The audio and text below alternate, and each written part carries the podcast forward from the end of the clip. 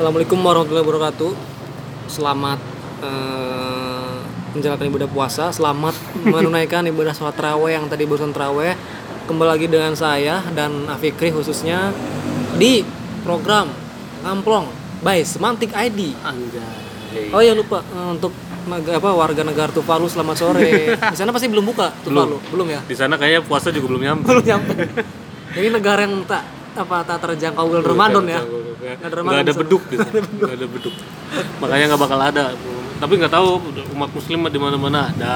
Cuma kalau Tuvalu nggak tahu udah tercatat di Sduk Capil apa enggak gitu umat muslimnya di sana. Mungkin Di sana mah bodo amat kali ya. iya mau Mau mau ikuti waktu mana juga iya. ya. Kita juga nggak apalah negara orang nggak mau ikut campur. Kembali lagi sekarang di acara yang berfaedah ini. Banget Iya, ya. Bu, banget pokoknya. Banyak manfaatnya. Udah banyak DM DM dan surat-surat lewat email nih. Nanyain ke mana nih program katanya bagus, ratingnya tinggi tapi nggak ada nggak diterusin bukannya nggak diterusin banyak masalah Nggak ada sponsornya mah mah. Tahu Iya, gimana? tahu ini sampai sekarang masih aja kita syuting di pinggir jalan syuting Tag. Eh, ini apa sekarang edisi Ramadan ya jadi mungkin kita lebih sopan ya walaupun nggak bisa dilihat ya kita di sini sekarang sarungan pakai peci bawa Quran. Tetap aja ada motor ngebut mah ya. Nah, walaupun Ramadan juga Iya, ya. motor ngebut nggak sopan. Selalu ada odong-odong segala lewat. Kenapa ada Jam odong-odong? segini lagi odong. odong-odong habis taraweh. Ya baiklah. Ya kali ini temanya harus menyesuaikan dengan konsep ini ya.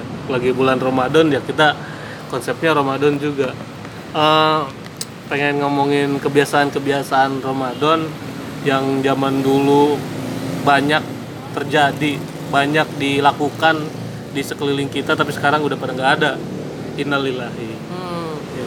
Kalau saya begini ya, Hmm. eh, apa yang dulu saya lakukan itu saya eh, ingat waktu kecil tuh ya. Hmm. Dulu itu eh, saya suka ngumpulin tempelan gitu ah. Jadi kalau bulan, jadi kalau bulan puasa itu stiker stiker. Jadi kalau bulan puasa, nah sekolah itu kan adanya pesantren kilat. Hmm. Jadi kita dikasih buku tuh khusus. Hmm. Nanti kalau kita sholat raweh, terus dengar ceramah tanda tangan Pak Kiai, Pak Ustadznya. Oh iya iya gitu. iya iya benar benar benar. Nah, nanti siang itu kita beli stiker gitu tuh, kayak lotre gitu stiker. Nanti kalau udah 30 apa angka sampai 30 ntar dapat Tamiya, dapat center, apa dapat laser Apa gitu. ini ke yang ngasih itu Tamiya segala macam ustadznya Nah, gimana? saya beli, beli tempelan gitu. ah. Nah, kalau buku buku, buku buat pesantren kilatnya ada di sekolahan. Oh, Jadi, jadi, kalau yang kalau yang full itu dapat reward dari wali kelas itu. Kalau oh yang maksudnya hadiah-hadiahnya itu dari sekolah. Iya. Tamiya segala macam Oh lah itu belanja di Oh. Mamang. Terus apa urusannya dengan tadi pesantren pesantrenan itu? ya kan dulu kayak gitu. Sekarang mah nggak ada libur 2 tahun di sekolahnya kan Iya. gara-gara Iya. Mas Udah. Corona ini bagaimana ini kan? Dua dua Ramadan dihadapi barengan dengan pandemi. Eh, iya ya dulu mah di pesantren kilat terus minta tanda tangan ustad. Pokoknya ustad di bulan puasa ini udah kayak selebritis aja. itu kan artis. dimintain tanda tangan sama orang-orang padahal mah sama gurunya embuh itu dilihat apa enggak Lihat itu. kalau di saya dilihat ah. di Jadi, gua tuh nggak pernah nggak pernah setiap pesantren kilat itu kalau di kelas saya kadang-kadang kan kelasnya digabung karena gurunya rapat gitu. Jadi, ini dua kelas digabung gitu kan. digabung terus lupa eh, sih gue emang terus dilihat tuh di absen kan nah, kalau nggak dari baris ini bangku ini kumpulin diliatin kan. Nah. Jadi ada yang liatin tuh ini tantangannya ini. Asli enggak bener, gitu? bener bener bener bener. Bener itu Padahal- harus nah pertanyaannya itu kan biasanya di satu sekolah itu diarahkan untuk tarawih di masjid yang sama nggak sih? Beda-beda nggak apa-apa kan? Nah, kalau yang satu kampung sih gini ya, karena sekolahan saya itu deket ya, jadi kenal gitu tuh. Ini kampung ini ustadznya ini, gitu. ini ustadznya ini. ya maksud Tahu gua gitu. takutnya kita kan bisa aja ngeles nanda tangan sendiri terus ngakunya tarawihnya di Bandung misalnya kan Hmm, du- dikumpulinnya di Serang? Dulu tuh ada kertas yang warna hitam tuh nggak yang buat kalau nulis itu. oh iya Apa namanya? rugos rugos Iya rugos. Nah saya tuh pernah pak kertas itu dan nggak ketahuan. Jadi pak kiai saya suruh tanda tangan. Jadi kertas itu saya tempel rugos. iya ketimpa kan Ketimpa. semua Jadi setiap tanda tangan saya tuh punya bekal hari ini terakhir besok nggak, terakhir besok nggak gitu. ah. Jadi Oh iya rugos sih, gitu. bener kalau bagi gituan bisa Dulu. diakalin. Jadi saya tuh Boleh ditiru lah.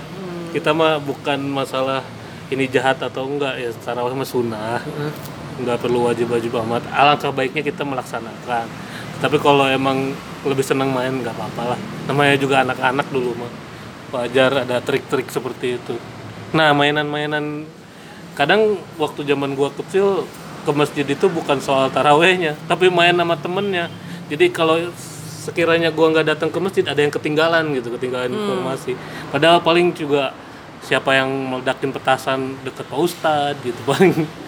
Terus kalau nggak ada orang main kucing-kucingan jatuh di depan masjid kalau nggak main apa perang sarung kepukul temen nangis duluan gitu pulang duluan gitu gara-gara nangis. Gitu itu yang kayak gitu-gitu. Nggak ada tuh yang namanya pelang sarung sarungnya di dalamnya dimasukin batu. Nah kayak ini ini. Ini fenomena yang dipakai tawuran sekarang mah ngeri yang bangsatnya dari anak-anak sarang itu. Dulu saya waktu pulang sholat tarawih itu ya pak perang sarung tuh digulung-gulung biasa doang. gitu Iya. ya. Digulung-gulung biasa biar Hmm. biar lancip banget kayak ekor freezer dulu makan cetar cetar gitu bunyi. Sekarang kasih Iya. batu parah ya. Iya makanya aneh, terselubung jadi tawuran terselubung kalau sekarang. Makanya akhirnya kan beberapa lama lalu lah beberapa waktu lalu ada beritanya kan di sweeping sama kepolisian, satpol pp.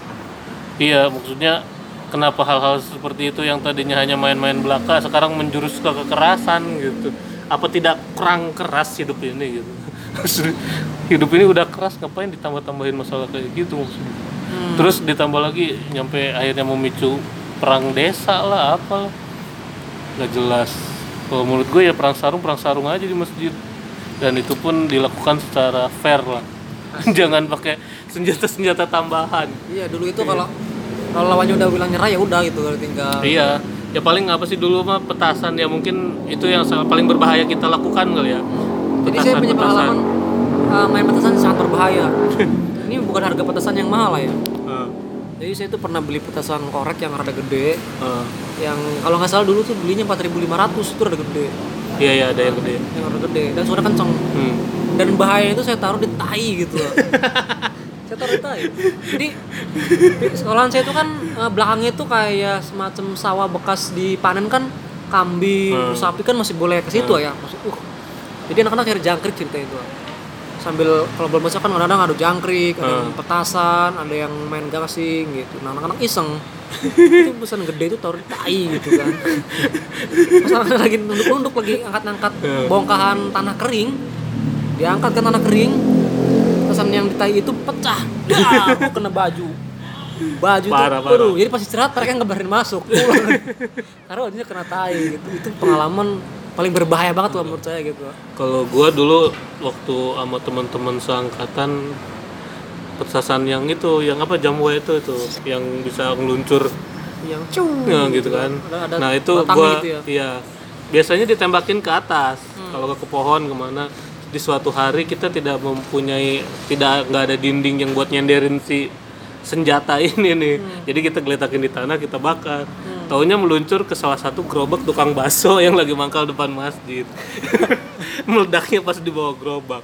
Untungnya si tukang bakso nggak ngeh siapa yang ngelakuin itu gitu. Taunya dia pas meledak dia kaget, dia celingak-celinguk nyari tersangkanya nggak ketahuan. Ketahuan ya. Sementara kita ada ketawanya ada kagetnya sih, takut ketahuan kan. Kalau ketahuan bisa dilaporin ke RT kayak ke mana. Pokoknya waktu itu itu doang kaget. Lumayan kriminalitas itu. Itu paling membahayakan lah kalau meledak di bawah gerobak bakso.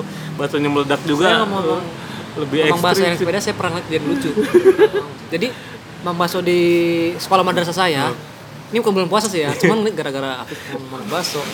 Jadi sekolah madrasah saya itu memang be, apa memang be, memang sepedanya kan pakai yang basonya pakai sepeda. Sepeda.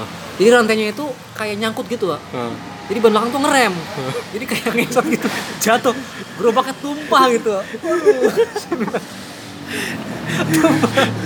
Saking, saking excitednya dia emosional. Parah parah parah. Ini kan sebenarnya musibah ya. Tapi kenapa kita ketawa ya? Parah parah parah. parah.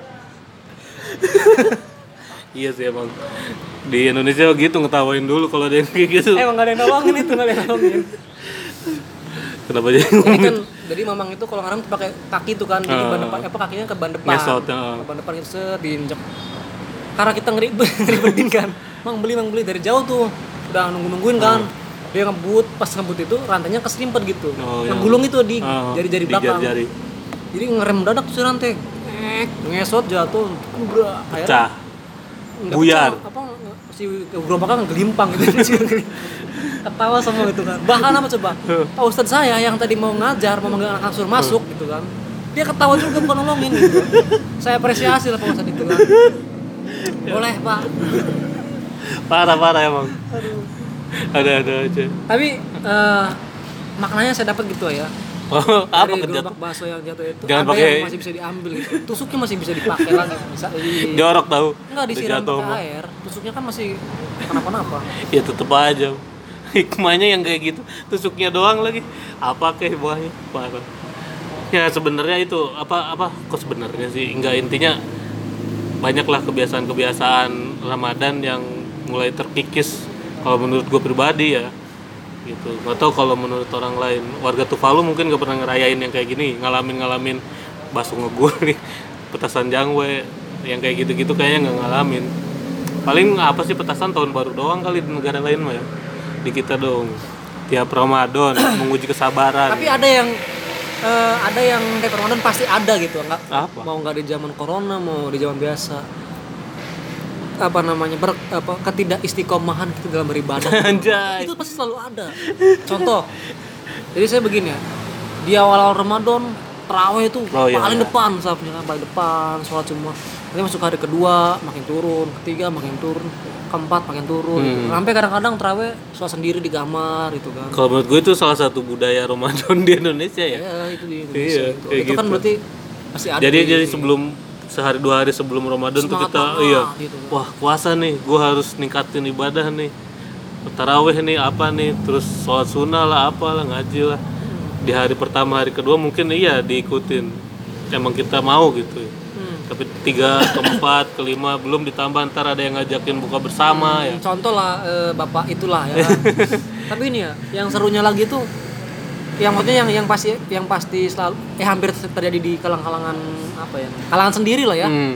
apa nih kalangan Kalangan sendiri sendiri tuh karena sekelompok masakan sendiri gitu baju baju, baju, baju sendiri Caca Handika kali ya ya kan terus ya makan sahur sendiri makan Komuni- sendiri tuh nggak nggak nggak dengan istri atau anak Iya, Kan. komunitas Ya, Caca Handika. teman-teman aja gitu kan teman-teman Heeh. jadi sahur pertama kita masak-masak sama anak-anak gitu Iya. kan rame yang sahur kita bangun semua hari kedua yang ada yang masih nggak nggak bangun Hmm. orang hari ketiga makin banyak hari keempat kita sahur tinggal pakai sarden hari kelima nggak sahur hari keenam nggak sahur nggak puasa gitu kan.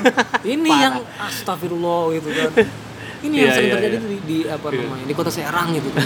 Di aduh. Fenomena yang kita lihat sehari-hari di tapi masa ini konsisten Ramadan ya. ini konsisten dari tahun ke tahun begini-gini aja konsisten ada. Ya bagus berarti.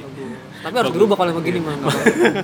ya maksud gua ya itu kan budaya-budaya Ramadan ya kalau negatif memang harus dikurangi. Tapi ntar katanya kalau ngurangin malah menghilangkan budaya. Gimana coba?